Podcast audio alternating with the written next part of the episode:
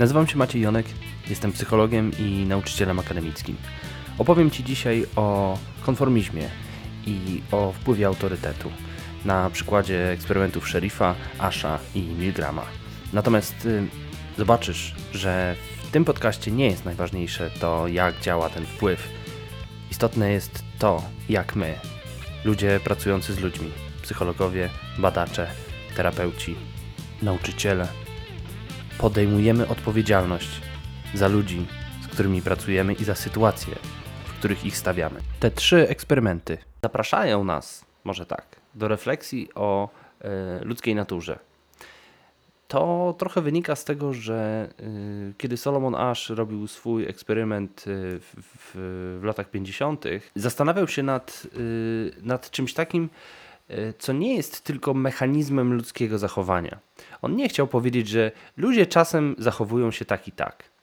On chciał dojść do sedna ludzkiej natury. I ta wizja, mm, że ludzka natura jest dostępna badaniom empirycznym, przyświecała mu w, w tym, jak projektował swoje badanie, a później w tym, jak o nim mówił. W związku z tym zobaczycie, że pewne rzeczy, które wynikają z y, interpretacji Asha, jego własnego eksperymentu, trochę nie pasują do tego, jak my byśmy dzisiaj do tego podeszli. E, więc, y, więc zachęcam Was do tego, żeby słuchając tego, co mówię, e, też, też dość krytycznie spojrzeć na, e, na kontekst y, naszej dzisiejszej wiedzy, naszej nauki itd. Natomiast zanim zaczniemy od Solomona Asha, to zaczniemy y, jeszcze wcześniej, czyli zaczniemy od 1935 roku i eksperymentu y, Sheriffa. Sheriff w 1935 roku zrobił eksperyment, który używał takiego efektu, oni to nazywają autokinetic effect. Umieszcza się badanych przed ekranem y, i na tym ekranie projektuje się kropkę ze światła. W ciemnym pomieszczeniu to wygląda tak, jak, jakby ta kropka się przemieszczała E, natomiast jest to iluzja i ta kropka pozostaje cały czas w tym samym miejscu. Natomiast tak są skonstruowane jakby wszystkie inne rzeczy dookoła, że po, y, sprawiają wrażenie, że ta kropka się przemieszcza. I teraz y, ludzie trafiali do różnych grup. Wszyscy na koniec badania byli pytani, o ile centymetrów przesunęła się ta kropka. E, I niektórzy mówili, że o 20 centymetrów, niektórzy mówili, że nawet o 80. E, następnie mm, zostali podzieleni na grupy E, w taki sposób, żeby mm, jeszcze raz mogli obejrzeć e, ten sam, e, tą samą projekcję, ale byli w trzyosobowej grupie. I grupy były skonstruowane w taki sposób, że z pierwszej części eksperymentu wzięto dwie osoby, które miały zbliżone wyniki i jedną, która miała wynik odmienny. Czyli na przykład dwie osoby, które powiedziały, że E, światełko przemieściło się o 80 cm i jedną, która mówiła, że e, światełko przesunęło się o 20 cm. I wynik był taki, że e, w tej niejasnej sytuacji osoba będzie szukać u innych, którzy na przykład więcej wiedzą albo po prostu pewniej się wypowiadają, jakiegoś, jakiejś wskazówki do tego, jak ocenić to, co widzi. W związku z tym te, ta trzecia osoba w grupie zwykle zawyżała lub zaniżała swo swoją odpowiedź, tak żeby bardziej pasowała do grupy. Tylko teraz możemy stwierdzić, że osoba w pierwszym badaniu uznała, że kropka przesunęła się o 20 cm, a w drugim powiedziała, że powiedzmy o 60. W związku z tym zmieniła się jej odpowiedź. Natomiast czy my jesteśmy w stanie odnieść tą odpowiedź do faktycznego materiału e, eksperymentalnego, który dostarczamy naszym badanym? To znaczy, czy my możemy powiedzieć, że ta kropka przesunęła się o jakąś konkretną odległość? No nie możemy, bo ona się nie przemieszczała. W związku z tym całe to zjawisko, które badamy, e, które Sheriff badał tym eksperymentem, e, było oparte o iluzję. W związku z tym nie za bardzo przy pomocy iluzji można stwierdzać, że ktoś coś zaobserwował. Kiedy mówimy o e, wynikach tego eksperymentu, to nie za bardzo możemy je odnieść do, do czegoś stałego, do jakiegoś stałego punktu odniesienia. E, a druga sprawa jest taka, że e, oni raczej nie czekali na kogoś, kto powie, haha, to jest iluzja, tylko czekali na kogoś, kto w pierwszym badaniu powie, że się przesunęło o 20 cm i przy drugim badaniu powie to samo. I to, to byłby dla nich wyznacznik nonkonformizmu. Czyli niezależnie od wpływu grupy, ja pozostałem przy swoim pierwszym zdaniu. Natomiast ludzie właśnie tak nie za bardzo robili. raczej jest tak, że on chciał udowodnić, e, że w, w, w sytuacji, kiedy doświadczamy niepewności, będziemy ulegać konformizmowi. Bo zobaczcie, y, ta iluzja budzi poczucie niepewności, bo mi się wydaje, że ona się przesunęła, ale ja nie jestem pewien. A jeszcze do tego dodajemy sytuację y, wiedzy eksperymentatora, który wie, że ta kropka się nie przesunęła. W związku z tym, y, z badania szeryfa można powiedzieć, że my badamy mm, konformizm w sytuacji niepewnej. I może być zarzutem, bo nie jesteśmy w stanie obiektywnie powiedzieć, odnieść do y, treści naszego badania tego, co mówią nasi badacze, y, nasi badani. E, czyli nie możemy powiedzieć, że dobra odpowiedź na to pytanie jest taka, a ludzie y, udzielali złej odpowiedzi takiej i takiej, tylko a priorycznie zakładamy, że wszystkie odpowiedzi będą złe. Czyli, że wszyscy zauważą przemieszczenie tam, gdzie go nie ma. Co miało nas doprowadzić do takiej sytuacji, w której my stwierdzamy występowanie e, konformizmu, ale właśnie w sytuacji niejasnej. Dla mnie istotne jest, żebyście zobaczyli, że mm, kiedy e, nie mamy pewności co do odpowiedzi na jakieś pytanie, a jesteśmy w grupie, to łatwiej jest nam pogodzić się e, z tym, że będziemy, mm, że nie będziemy mieć racji gru jako grupa, niż nie mieć racji przeciwko grupie. Trochę tak jest y, w tym naszym nauczaniu online, że kiedy jesteśmy w sali i wszyscy się widzą nawzajem, to możemy powiedzieć, y, że mm, łatwiej jest nam wspólnie się mylić. I, I to wtedy jest na przykład w takiej relacji, jak, jak, jak my mamy z, między studentami a prowadzącym. Jakby bardziej się obawiamy, że prowadzący powie: Ty popełniasz błąd, E, niż e, proszę Państwa, wszyscy się mylicie. Bo jeśli proszę Państwa, wszyscy się mylicie, to to jest mniej dotkliwe. I to jeszcze prawdopodobnie znaczy, że to ja źle wytłumaczyłem, a nie Państwo się mylicie. E, więc jeżeli się mylimy w grupie, to jest nam łatwiej sobie z tym poradzić. I to takie zjawisko występuje w sytuacji niepewności, która tutaj została wygenerowana. Tak jak mówicie, na podstawie tego eksperymentu nie możemy do końca wnioskować o ludzkiej naturze w całości. Możemy wnioskować o tym, że ludzie będą do pewnego stopnia ulegać konformizmowi w sytuacjach niepewności. To nie mówi nam o tym, jaka, jaką częścią natury ludzkiej jest konformizm w ogóle. I to jest y, zadanie, którego podjął się Solomon Ash. Solomon Ash jest jednym z tych psychologów, którzy wprowadzają ulubiony przez Polaków wątek polski, gdyż Solomon Ash urodził się w Warszawie. E, I z tej to Warszawy e, później w, w, w dzieciństwie e, przeniósł się do, do Stanów, gdzie, gdzie rozpoczął swoje, swoje studia i właśnie w, w, w ramach już swojej pracy na uniwersytecie badał konformizm. Badał konformizm u swoich studentów, i jego procedura eksperymentalna e, również była podzielona na dwie części. Dlatego, że eksperyment e, szeryfa był dla niego e, inspiracją, punktem odniesienia, więc również był prowadzony dwuetapowo. Pokazujemy naszemu badanemu linię wzorcową i dajemy mu trzy linie do wyboru na osobnym jakimś tam kawałku kartonika czy czegoś tam i badany ma te linie podpisane i musi powiedzieć, że linia B jest taka sama jak linia wzorcowa.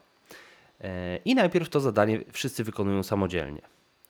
Później procedura eksperymentalna jest taka sama, ale odbywa się w grupie. To znaczy, badany trafia do pomieszczenia, gdzie również jest, są te linie wzorcowe, e, ale jest z nim kilku konfederatów, czyli e, współpracowników eksperymentatora.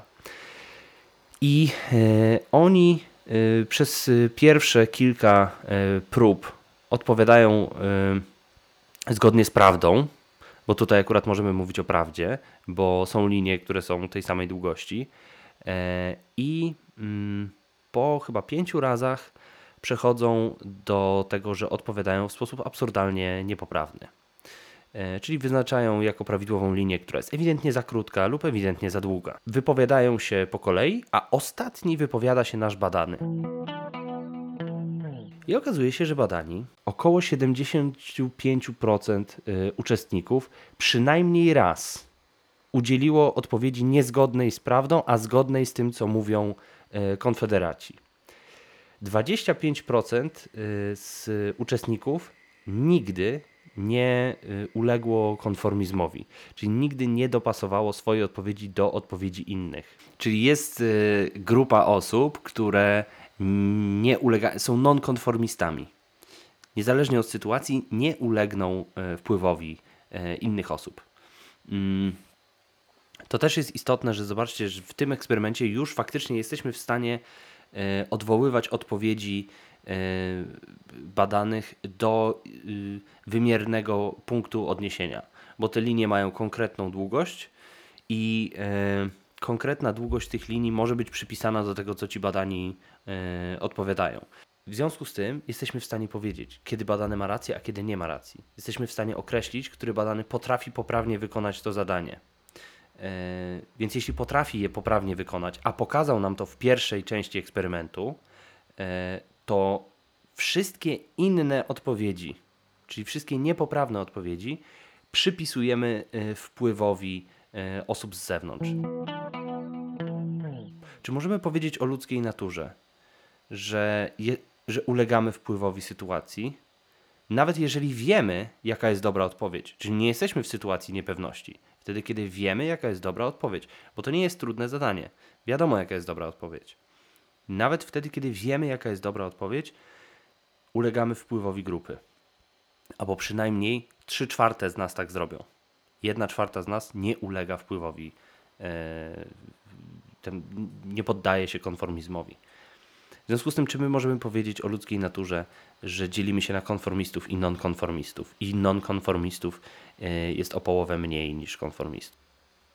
No to musimy sobie przede wszystkim powiedzieć, że e, Solomon Ash zbadał około 55 swoich własnych studentów. Gdybym zrobił eksperyment Wam, moim studentom, to myślicie, że podczas tego eksperymentu zachowywalibyście się inaczej niż podczas eksperymentu robionego przez jakiegoś innego badacza, którego nie znacie?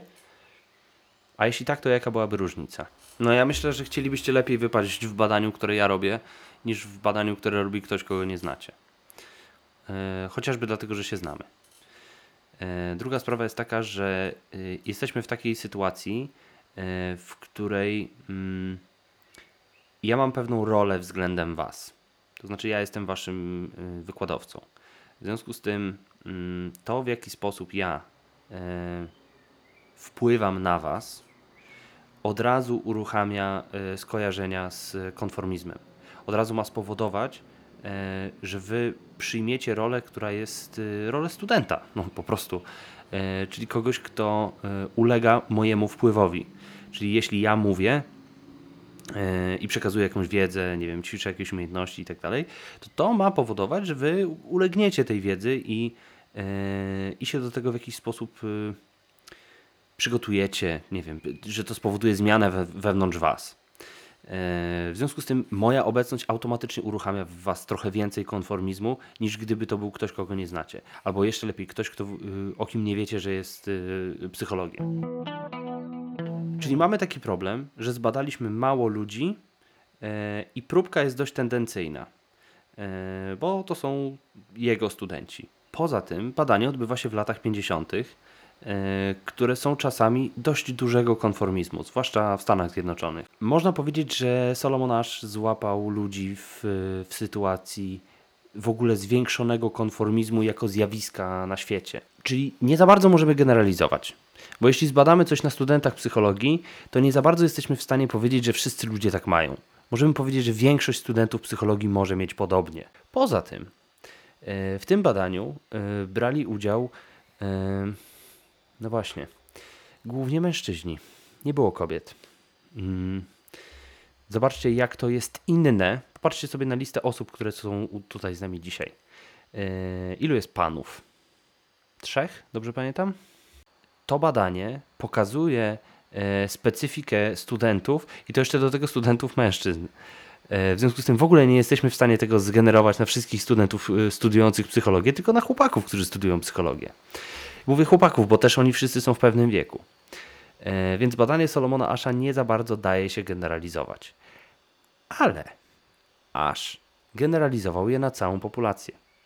I powiedział właśnie coś takiego, że mm, ludzie dzielą się na konformistów i nonkonformistów e, i konformistów jest dwa razy więcej. Co spowodowało dość duże reperkusje w takim e, społecznym rozumieniu konformizmu. E, co doprowadziło na przykład do tego, że w latach 60. i 70. ludzie próbowali udowodnić sobie i innym, że oni właśnie są tą mniejszością, e, która nie ulega wpływowi grup, co było kompletnie niepotrzebne. Następna sprawa jest taka, że Solomon zapraszając swoich badanych do tego eksperymentu, nie mówił im, szanowni studenci, będę teraz badał konformizm w sytuacji indywidualnej i grupowej, e, tylko mówił im, będę badał waszą percepcję. Zobaczcie, problem jest taki, kiedy badamy jakieś zjawisko psychologiczne, to e, występuje taka niepewność. Czy badani, jeśli będą wiedzieli, co badamy, to nie zaczną nas oszukiwać i nie zaczną zachowywać się tak, żeby, żeby dobrze przed nami wypaść. E, w związku z tym, y, czy to nie spowoduje zafałszowania wyników? Bo jeżeli ktoś zaprosi mnie na, na badanie i powie, że y, chciałby e, teraz sprawdzić, jak bardzo ulegam presji grupy, no to ja zacznę zachowywać się w taki sposób, żeby nie ulegać presji grupy, bo jestem wyjątkowy i nie będę ulegał presji grupy. A poza tym jeszcze do tego jestem milenialsem i jestem wyjątkowy z definicji. I będę musiał to udowodnić. E, natomiast jeśli ja nie wiem, że to jest badane, to nie będę się przed tym bronił. I wynik tego eksperymentu będzie bardziej rzetelny, powiedzmy. Natomiast ja biorę udział w eksperymencie, którego zasad nie znam i nie rozumiem. W związku z tym wyrażam zgodę na coś, ale stanie się ze mną coś innego. To tak jakbym poszedł do y, chirurga i wyraził zgodę na, nie wiem, usunięcie wyrostka robaczkowego, a on przy okazji obciąłby mi ucho. Y, I na koniec powiedziałby, wie pan, no, tak w trakcie doszliśmy do wniosku, że tak naprawdę to to ucho panu przeszkadza i ono nie jest panu potrzebne. E, I tak ciachnęliśmy, bo już akurat pana mieliśmy, to w ciach i po robocie. Jakby rozumiecie, jaki to stwarza problem. A jeszcze gorzej by było, gdyby chirurg zaprosił mnie na e, zabieg, powiedział, że wytnie mi wyrostek robaczkowy, a z góry zamierzałby mi obciąć ucho. No nie byłoby to w porządku. Natomiast psychologii to uszło. Nie chciałbym, żeby ktoś mi obciął ucho. Jakby ktoś powiedział mi od początku, że to jest operacja obcięcia ucha, to bym nie przyszedł. I dlaczego w medycynie nie wolno tak robić, a w psychologii można było? Spowodujemy jakieś, yy, nie wiem, dyskomfort na przykład, ale on będzie taki nie, nie do końca, więc po jakimś czasie on zniknie, tak? Ucho mi nie odrośnie ale powiedzmy, że po y, tym, że profesor aż wystrychnął mnie na dudka, y, pozbieram się szybciutko i dalej będę uważał, że jest moim ulubionym profesorem i będę chodził na jego zajęcia. Zadanie, które dał aż swoim y, badanym, polegało na porównywaniu długości kresek. Jak często w ostatnim tygodniu porównywaliście długości kresek? Właśnie. W związku z tym poprosił ich o zrobienie czegoś, co jest e, sztuczną sytuacją. My nie porównujemy długości kresek na co dzień. Na co dzień zajmujemy się innymi rzeczami. I to był dość y, solidny zarzut. I mówię o tym dlatego, że to był jeden z zarzutów, który na przykład Stanley Milgram wystosował e, względem swojego profesora. E, I powiedział, że e, po pierwsze jego eksperyment nie da się go generalizować. Po drugie, że sytuacja jest fikcyjna. W związku z tym, e, że sytuacja jest fikcyjna, nie można e, spowodować, nie ma faktycznego zaangażowania. Nie wychodzi z człowieka to, co w człowieku jest. Natomiast kwestia e, tak zwanej ukrytej instrukcji, bo to zostało tutaj zastosowane, podlega absolutnie koniecznej refleksji etycznej. To znaczy, jeżeli coś ukrywamy przed badanymi w naszym eksperymencie, to musimy podjąć refleksję etyczną nad tym, czy tak powinno być, czy my możemy tak zrobić. Refleksje etyczne y, na tym poziomie zaczęliśmy robić, y, zaczęliśmy robić po latach, bo ten eksperyment, który, który zrobił Ash, y, no tak jak widzicie, no nikomu nie odpadła ręka, nikomu się nie stała jakaś głęboka krzywda, w związku z tym refleksja etyczna nie była podejmowana.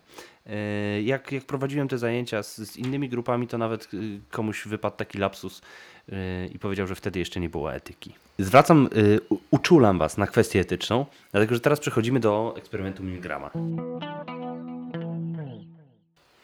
I ja polecam Wam kupić, wypożyczyć e, lub pożyczyć od kogoś e, książkę pod tytułem Posłuszni do bólu e, profesora Dolińskiego i Grzyba, e, którzy e, poza tym, że w 2016 chyba roku podjęli się replikacji eksperymentu Milgrama i opisują swoją replikację, e, to mm, zrobili kawał roboty takiej e, historycznej. E, pierwszy rozdział, co się stało w New Haven. Stanley Milgram e, był uczniem Solomona Asha, czyli brał udział w, e, do, do pewnego stopnia w tym, jak Ash przygotowywał swój eksperyment. Stanley Milgram zaprosił e, swoich badanych przy pomocy ogłoszenia w gazecie do udziału w badaniu, które miało pomóc zrozumieć to, w jaki sposób ludzie się uczą. Badani mieli, mieli wziąć udział w badaniu, które e, sprawdzało to, jak ludzie zapamiętują i jak się uczą. I tak byli poinformowani. E, Dostawali zapłatę za udział w eksperymencie. E, No i taki badany przychodził do sytuacji tego eksperymentu i opowiadam wam to z perspektywy badanego, bo dla mnie jest super istotne, żebyście patrzyli na eksperymenty z punktu widzenia badanego, a nie badacza, bo to ktoś inny wam wytłumaczy, jak patrzeć z perspektywy badacza. Dla mnie istotne jest, żeby wam pokazać perspektywę badanego. Więc jesteście badanym. Znaleźliście gazetę, w gazecie jest ogłoszenie, dostaniecie ileś tam pieniędzy, nie pamiętam już ile, e, za udział w badaniu potrzebujecie tych pieniędzy, albo po prostu, nie wiem, lubicie uczestniczyć w badaniach. W każdym razie trafiacie do przestrzeni eksperymentalnej, tam już czeka pan. Pan jest troszkę otyły, schludnie ubrany, e, ciężko oddycha, ale bardzo miły. E, następnie przychodzi eksperymentator, można go poznać po tym, że e, ma biały fartuch e, i dokonuje losowania, czyli przez tam rzut monetą określa, który z, tych dwóch osób, czyli albo wy, albo ten pan, który, który czeka już w poczekalni, będziecie nauczycielem, a kto będzie uczniem. Wy losujecie to, że jesteście nauczycielem, on losuje, że będzie uczniem. Następnie przechodzicie do pomieszczenia. E, w pomieszczeniu znajduje się eksperymentator, e, maszyna. Ta maszyna, maszyna, którą posługiwał się Milgram, e, miała przełączniki. Każdy przełącznik uruchamiał prąd o coraz większym napięciu. Ta maszyna była dość, dość solidna, w sensie dość duża. Mm, Tam był włącznik, y, taki potencjometr, który pokazywał napięcie i w, w pierwszej części e, tego eksperymentu byliście informowani, że wasze zadanie jako nauczyciela będzie polegało na tym, e, żeby e, odczytać listę skojarzeń i tam były jakieś pary słów i następnie czytaliście pierwsze słowo, a uczeń, czyli ten otyły pan z poczekalni, miał odpowiedzieć to, co zapamiętał. Jeżeli odpowiedział poprawnie, przechodziliście do następnego pytania. Jeśli odpowiedział niepoprawnie, pstrykaliście pierwszy przełącznik e, na e, maszynie i tam eksperymentator wam przyłożył te e, takie elektrody do, do ręki i odczuwaliście tam szok elektryczny, który generuje ta maszyna. Następnie widzieliście, jak e, wasz kolega z poczekalni jest podłączany do całej tej maszynerii. E, sprawdzaliście, czy działa. Tak, pierwszy szok elektryczny, on faktycznie tam mówił, że faktycznie coś tam mnie łaskocze i tak dalej. E, I mm, idąc dalej w ten eksperyment, zadawaliście coraz więcej pytań i im więcej zadawaliście pytań, tym więcej było niepoprawnych odpowiedzi tego ucznia. Te przyciski, poza tym, że są podpisane numerami, to też są podpisane e, pod spodem.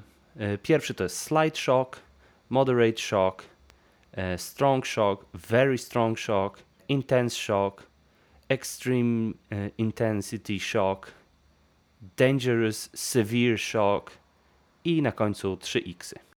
Jak przekry- y, naciskaliście kolejne te y, przyciski na tej maszynie, słyszeliście lub widzieliście w różnych wariantach tego eksperymentu, że wasz kolega z, poczekalni czuje ból. E, Im dalej byliście w tym przy, przyciskaniu, e, tym większy ból odczuwała ta, ta osoba po drugiej stronie. E, do momentu, kiedy e, dochodząc już do końca skali, ta osoba po drugiej stronie milczała. Nie było żadnego dźwięku. Kiedy zastanawialiście się, czy kontynuować, siedzący razem z wami eksperymentator grzecznym, ale stanowczym tonem mówił: Proszę kontynuować. To jest konieczne, żeby pan kontynuował. Mm, I, i właściwie tyle. Kończył się eksperyment. I jak myślicie, ilu uczestników tego eksperymentu, ilu badanych, ilu z Was doszło do końca skali?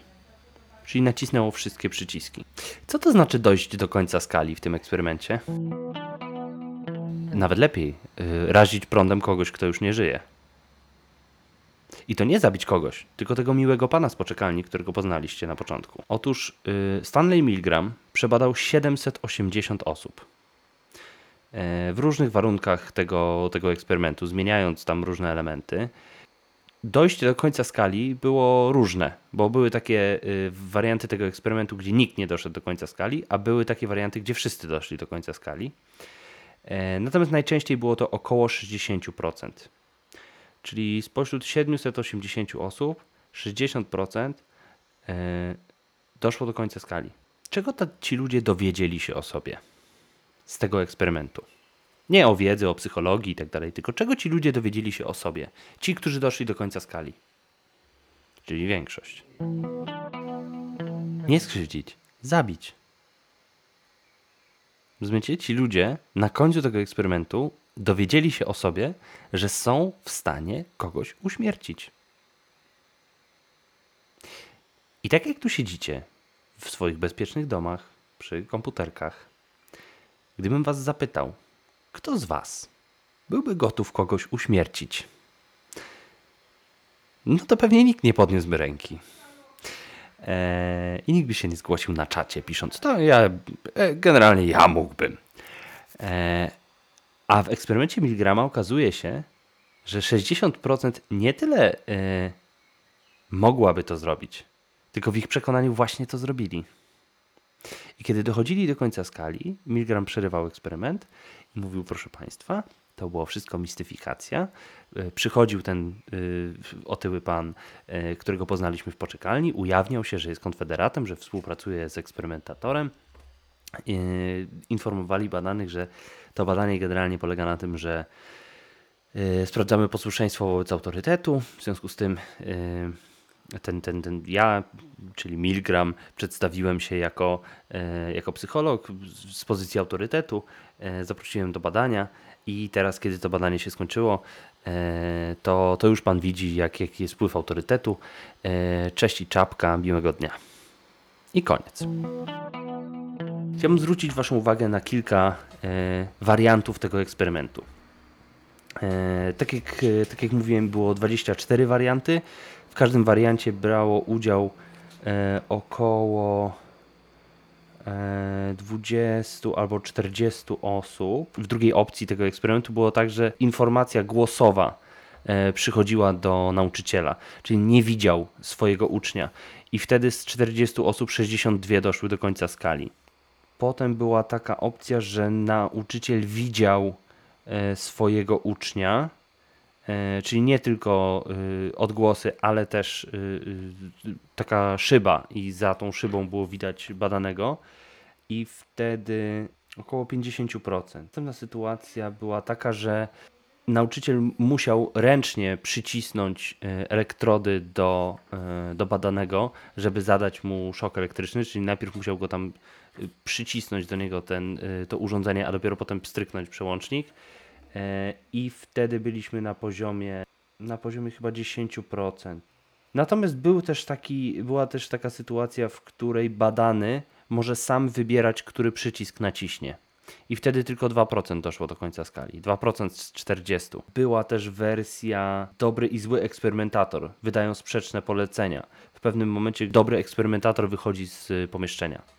E, I wtedy 20% y, osób doszło do końca skali.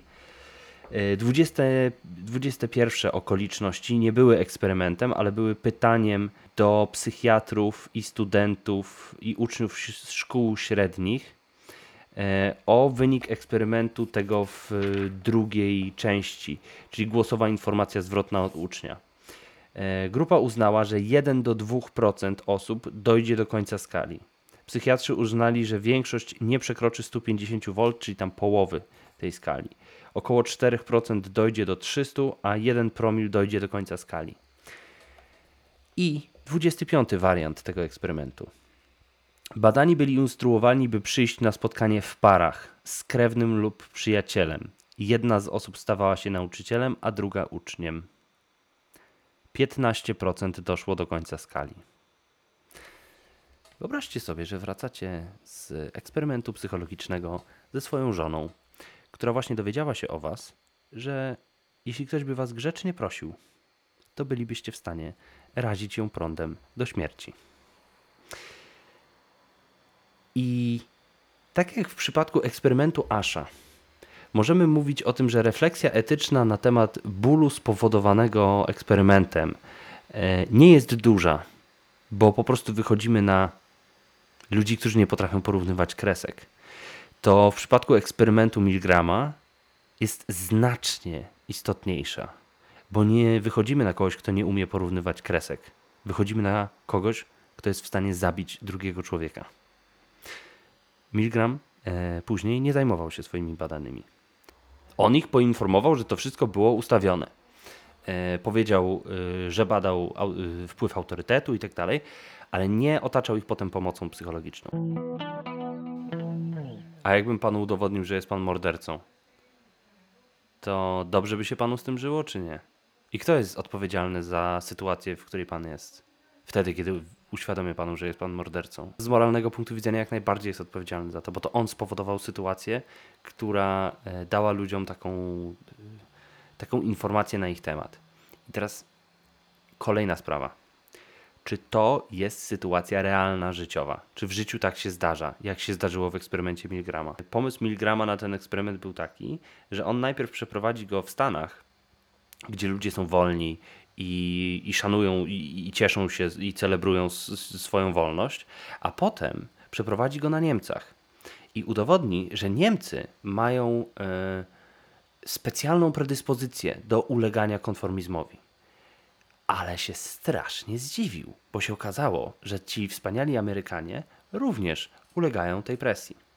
W związku z tym jego wyniki badań e, zaskoczyły go. On się nie spodziewał, że tak wiele ludzi dojdzie do końca skali. Tak wiele Amerykanów celebrujących wolność i, i, i niepodległość swoją. Pytanie o to, jaki jest obowiązek moralny Milgrama względem jego badanych, e, jest bardzo istotne. Dlatego, że ono pokazuje badanie, które wyrządziło krzywdę. Krzywdę psychiczną. Bo dowiedzieć się o sobie, że jestem w stanie zrobić komuś krzywdę albo go uśmiercić, to nie jest informacja, z którą można tak po prostu pójść do domu i dalej żyć. A teraz wyobraźcie sobie tą sytuację, gdzie e, uśmiercamy swojego bliskiego i ten bliski dowiaduje się, że mój przyjaciel, mój, mój mąż e, jest zdolny do czegoś takiego. Jak dalej ta relacja ma wyglądać? Jak, jak w ogóle, co teraz? To jest jeden z największych problemów, które wynikają z y, eksperymentu Milgrama dla mnie. E, bo jest jeszcze oczywiście kilka metodologicznych kwestii, które zaraz sobie omówimy. Natomiast chcę zwrócić Waszą uwagę na to, że ten eksperyment krzywdzi ludzi w sposób bardzo głęboki i bardzo niewidoczny. Bo ci ludzie, którzy wychodzą z tego eksperymentu i mają poczucie ulgi, że jednak kogoś nie zabili, wyglądają jakby faktycznie im ulżyło, bo faktycznie im ulżyło. Ale za tydzień, za miesiąc dojdzie do nich tak, nie zabiłem, ale mogłem. I wtedy trzeba mieć pod ręką telefon do psychologa, do e, eksperymentatora, który jest zobowiązany zaopiekować się taką osobą. Dlatego, że spowodował sytuację, która zmieniła jakość życia badanego. I istotne jest też to, żeby podczas planowania eksperymentu wziąć to pod uwagę. E, jak głęboką krzywdę możemy potencjalnie e, wyrządzić komuś. I to nie chodzi o to, że my planujemy wyrządzić tą krzywdę. Chodzi o to, że bardzo często nie zdajemy sobie sprawy z tego, jak potoczy się nasz eksperyment. Bo przyjdą badani, którzy są prawdziwymi ludźmi. I oni myślą inaczej niż my, oni e, działają inaczej niż my, bo mają inne wspomnienia, inne doświadczenia i w ogóle inne e, pojmowanie rzeczywistości. I naszym obowiązkiem jest tak skonstruować to badanie, żeby było niemożliwe wyrządzenie im krzywdy. W badaniu Milgrama to się nie udało. Czy z badania Milgrama możemy wnioskować o naturze ludzkiej? O tym, że my, jako ludzie, ulegamy wpływowi autorytetu. Wracam do pytania, jak często razicie ludzi prądem. Czyli tak naprawdę do pytania o realność tej sytuacji eksperymentalnej bo ona się wydaje prawdziwa. I ona się wydawała prawdziwa ludziom, którzy brali w tym udział. Natomiast czy my w rzeczywistości jesteśmy w takiej sytuacji, że mamy przed sobą przyciski, które pozwalają łatwo zadawać ból innym ludziom i z tyłu kogoś, kto mówi yy, delikatnym głosem, proszę kontynuować. Czy my tu, jak siedzimy sobie razem w tym yy, internetowym spotkaniu, czy wśród nas jest ktoś, kogo można by przy pomocy autorytetu doprowadzić do takiego do takiego zachowania, żeby kogoś bardzo skrzywdzić, powiedzmy. Już, już się nie przyznawajmy do tego, że jesteśmy mordercami, ale czy, czy można by nas doprowadzić do, ty, do wyrządzenia krzywdy innemu człowiekowi? Jak chcecie o sobie myśleć? Tak jest pytanie. No to ja bym nie chciał myśleć o sobie jako o kimś, kto jest w stanie kogoś skrzywdzić. I teraz zobaczcie, eksperyment Milgrama próbuje podważyć tą kwestię i powiedzieć: Jesteś w stanie. Mógłbyś skrzywdzić mógłbyś do śmierci doprowadzić drugą osobę, jakbym cię ładnie poprosił. I brzmi to nielogicznie, i brzmi to e, nieprawdziwie. No i wracam do książki Posłuszni do bólu, mm, która to książka, e, no powiem wam, że wstrząsnęła mną. Tak jak mówiłem, Doliński i Grzyb powtórzyli to badanie e, w 2016 roku w Polsce, we Wrocławiu. Zastosowali też taką, taką kwestię, której Milgram nie stosował, bo on płacił wszystkim niezależnie od tego, czy dojdą do końca skali, czy nie. Natomiast Doliński z Grzybem postanowili, że e, zrobią taki wariant tego eksperymentu, gdzie będą płacić po chyba 5 zł za każdy kolejny naciśnięty przycisk. Z tą różnicą, że u Dolińskiego i Grzyba dochodziło się do połowy skali i jak ktoś doszedł do połowy skali, to oni przerywali eksperyment, żeby nikt tam nie doszedł do końca i nie miał poczucia, że kogoś zabił. Przyszedł pan J, bo tutaj w tej książce są y, opisane ogólne wyniki, ale są też y, poszczególne, y, opisane niektóre osoby wybrane. Około 50-letni mężczyzna lekko zarośnięty i odrobinę nieświeży. Jego ubiór świadczył o tym, że pan J nie zawsze miał łatwy i bezproblemowy dostęp do, pra do pralki i środków czystości. Słowem widać było, że pan J ma w życiu nieco pod górkę. Przyszedł o czacie, wypełnił wszystkie niezbędne dokumenty, korzystając z wyciągniętych z kieszeni e, kurtki nieco nadłamanych okularów. Bez żadnych komentarzy zaakceptował wyniki losowania, tego losowania, że będzie nauczycielem. E, kiedy eksperymentator wraz z uczniem e, i panem J, już jako nauczycielem podszedł do laboratorium, pan J zdjął kurtkę, zwinął ją w dużą kulkę i położył sobie na kolanach. Pan J trafił do grupy, w której pieniądze wypłacane były za każdy kolejny przycisk. E, lekko się wzdrygnął, gdy pokazano mu, jak działa aparat do generowania wstrząsów. Stwierdził, że jednak solidnie to kopie. Kiedy uczeń popełnił pierwszy błąd, pan J nacisnął pierwszy przycisk. Podobnie po drugim i trzecim błędzie. Kiedy jednak pojawił się czwarty i piąty, a uczeń przy każdym kolejnym uderzeniu zaczynał krzyczeć. Pan J mocno się skulił i naciskał kolejne przyciski z wyraźną trudnością. Przy szóstym popatrzył ze smutkiem na eksperymentatora. Widać było, że sytuacja sprawia mu ogromną trudność. Popatrzył na kartkę, która leżała przed nim. Na niej e, właśnie e, zapisywano, ile pieniędzy już zarobił. Westchnął. Spojrzał na eksperymentatora raz jeszcze ze słowami: Przecież pan wie, dlaczego ja to robię. Nacisnął kolejny przycisk. Tak miało być już do końca. Następne błędy ucznia pan J przyjmował z ogromnym stresem, ale po westchnieniu i spojrzeniu na kartkę z zapisanymi kwotami, jakie już zarobił i jakie mógł jeszcze zarobić, znowu mówił: No przecież pan wie. I naciskał kolejne przyciski. W trakcie odkłamywania, czyli tego momentu na końcu, kiedy była ujawniana instrukcja, E, z wyraźną ulgą przyjął informację, że nikomu nie zrobił krzywdy. Pokiwał smutno głową, gdy wyjaśniono mu, że zdecydowana większość badanych ulega presji eksperymentatora i robi rzeczy, na które wcale nie ma ochoty. No właśnie, powiedział. Ale pan, y, pan wie, że ja bym tego normalnie nie zrobił. Ale niech pan na mnie popatrzy. Sam pan widzi, jaka jest sytuacja. To ubóstwo, e, z którym ten człowiek przyszedł, to jest kwestia, która y, może służyć jako wytłumaczenie, e, ale zobaczcie, że to jest sytuacja, w której to ubóstwo zostało wykorzystane przeciwko badanemu, bo on tu przyszedł zarobić pieniądze i on już w głowie ma ułożone, że on tu zarobi pieniądze. I jeżeli on tego nie zrobi, no to wróci do swojej paskudnej rzeczywistości, w której naprawdę mu brakuje. I on nie chce robić źle, ale robi. Bo tłumaczy sobie to sytuacją. I teraz chodzi mi o to, żeby pokazać, że e, stworzenie tej sytuacji eksperymentalnej z, z płaceniem za każde naciśnięcie e, powoduje, że badani będą ważyć w sobie moją własną paskudną sytuację i krzywdę innych. A to jest y, takie ważenie, które w rzeczywistości nie występuje. My nie ważymy tak rzeczy bo my widzimy albo siebie, albo kogoś innego. A tutaj jesteśmy zestawieni. Jak nacisnę, to jego będzie boleć, a ja będę miał pieniądze. Nie ma czegoś takiego w rzeczywistości. Dlatego, mimo tego, że, że uczucia, które powstają, yy, słuchając o tym eksperymencie i też biorąc w nim udział, yy, są bardzo realne i bardzo prawdziwe i bardzo mocne, to wcale nie znaczy, że ta sytuacja jest realna bo wy nigdy nie wylądujecie w sytuacji, w której będziecie mieli maszynę do rażenia prądem innych ludzi. Mam nadzieję. Trudno jest nam generalizować. No bo tak naprawdę co? Co my mamy zgeneralizować? 60% ludzi ulega autorytetowi? No tak, ale w bardzo konkretnej sytuacji. Wtedy, ten, kiedy ten autorytet jest w laboratorium, jesteśmy w jego domenie, e, on e, jest z nami przez cały czas, cały czas e, ma wpływ na nas. Wtedy powiedzmy, że możemy to zgeneralizować na podobne sytuacje, ale przecież nie na całe życie. To nie jest tak, że wy zawsze robicie to, co mówi, nie wiem, nauczyciel, yy, policjant, yy, premier.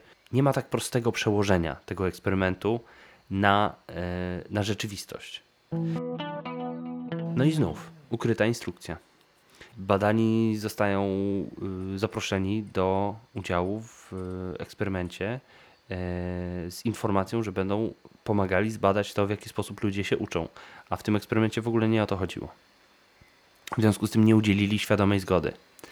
I w tej sytuacji, e, tak jak mówiłem o tym chirurgu obcinającym ucho, e, to jest faktyczny głęboki ból psychiczny wywołany tym odkryciem, że jestem w stanie zrobić coś tak strasznego. Więc. Yy, bardzo istotne jest dla mnie, żebyście, żebyście to zobaczyli, że z punktu widzenia e, badanego ten eksperyment jest traumatyzujący. E, a z punktu widzenia eksperymentatora, mm, mimo tego, że fascynujący i świetnie zaplanowany, to jednak nie dający za wiele faktycznej wiedzy o tym, jacy ludzie są naprawdę. Poza może jedną osobą. Bo nie jesteśmy w stanie zgeneralizować na wszystkich ludzi, ale jesteśmy w stanie zobaczyć Stanleya Milgrama, który zaplanował eksperyment, w którym ludzie doświadczą albo mogą doświadczyć tego, że są zdolni do morderstwa.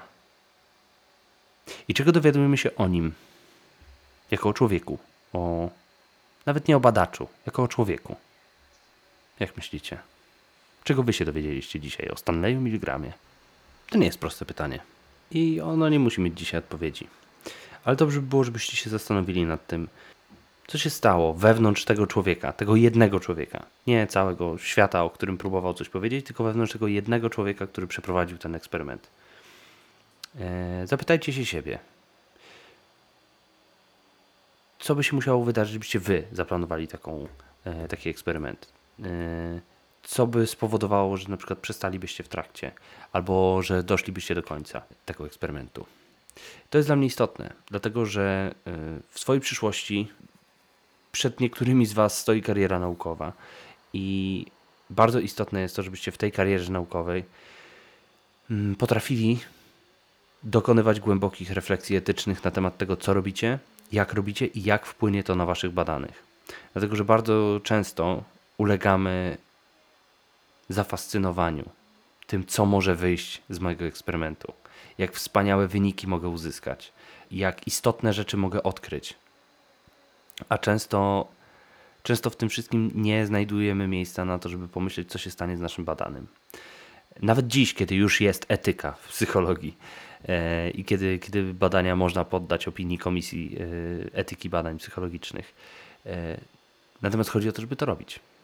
I żeby długo i troskliwie myśleć o naszych badanych. Dlatego, że rozwój naszej dziedziny mm, jest oparty o badania naukowe. I te badania są bardzo różne. I czytając w trakcie studiów i po studiach, zobaczycie, że badania psychologiczne prowadzą nas w bardzo różne miejsca. Natomiast mm, to, co chciałbym, żebyście z dzisiejszych zajęć zabrali ze sobą, to potrzeba troskliwego patrzenia na badanego i głębokiej refleksji też na temat tego, czy badanie, które planuję, które wykonuję, jest potrzebne. Czyli czy, do, czy świat dowie się z niego czegoś, co faktycznie powinien wiedzieć. A jeśli tak, to czego? A jeśli nie, to dlaczego? Te kwestie pozostają otwarte. I to nawet dobrze by było, gdyby, y, gdybyście nie mieli gotowej odpowiedzi na te pytania. Żebyście za każdym razem musieli się zastanowić, co się na świecie stało pod wpływem tego, że opublikujemy wyniki tego badania. Co się, co się zmieni? I czy ta zmiana to jest coś, co, co faktycznie chcecie, żeby, żeby na świecie się pojawiło? Czy chcecie spowodować, żeby y, rodziny y, dowiedziały się o tym, że, że współmałżonek jest zdolny do, e, do zabójstwa? Albo i o tym prawdopodobnie porozmawiamy na naszych następnych zajęciach. E, czy chcecie pokazać, jak łatwo jest nam wejść w rolę na przykład strażnika więziennego?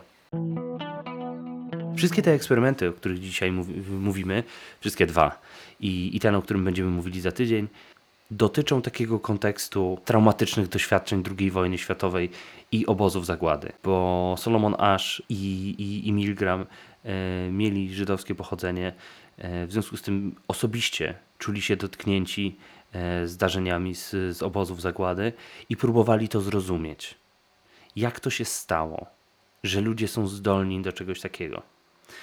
i mm, ich wysiłki, żeby zbliżyć się do tego zrozumienia, e, doprowadziły ich do takich właśnie prób naukowych.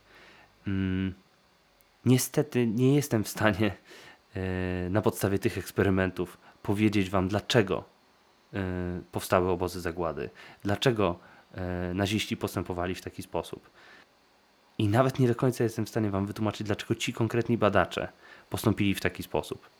Natomiast możemy się wspólnie przyjrzeć temu, jak jedno tragiczne wydarzenie w historii pociągnęło za sobą następne.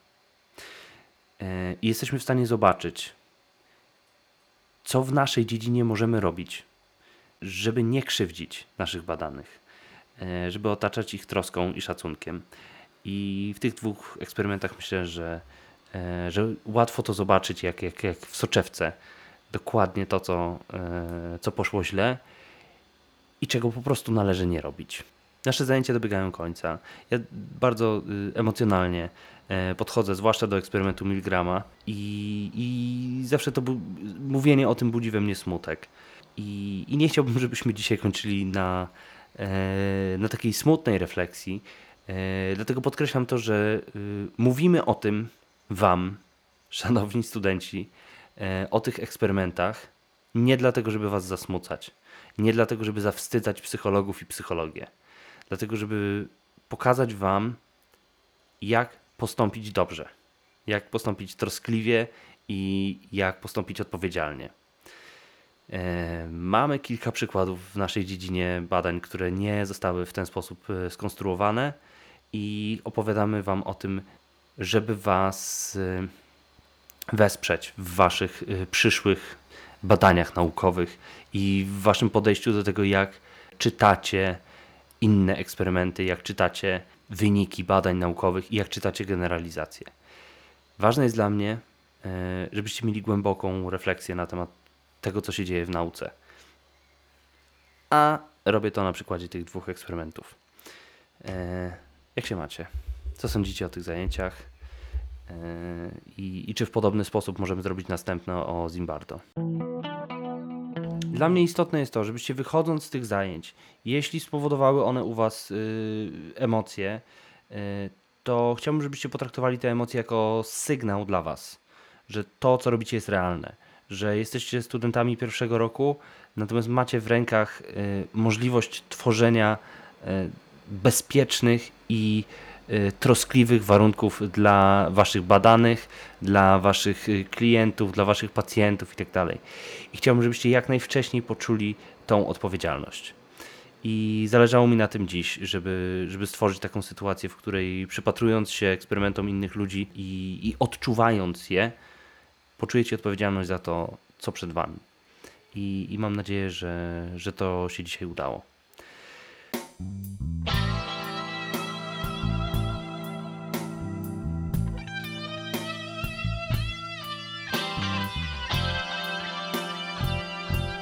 Dzisiejsze nagranie powstało podczas e, zajęć z psychologii społecznej ze studentami pierwszego roku. Jest nagraniem faktycznych zajęć. Jeśli to, o czym dzisiaj mówiliśmy, spowodowało u Ciebie emocje, ciężar, może nawet smutek, postaraj się te uczucia zamienić na odpowiedzialność. Pomyśl o kimś, kto potrzebuje Twojej troski i Twojej uwagi, bo jest w sytuacji, w której nie może być sobą. A potem zatroszcz się o niego. Dziękuję za wysłuchanie tego podcastu. Do usłyszenia wkrótce.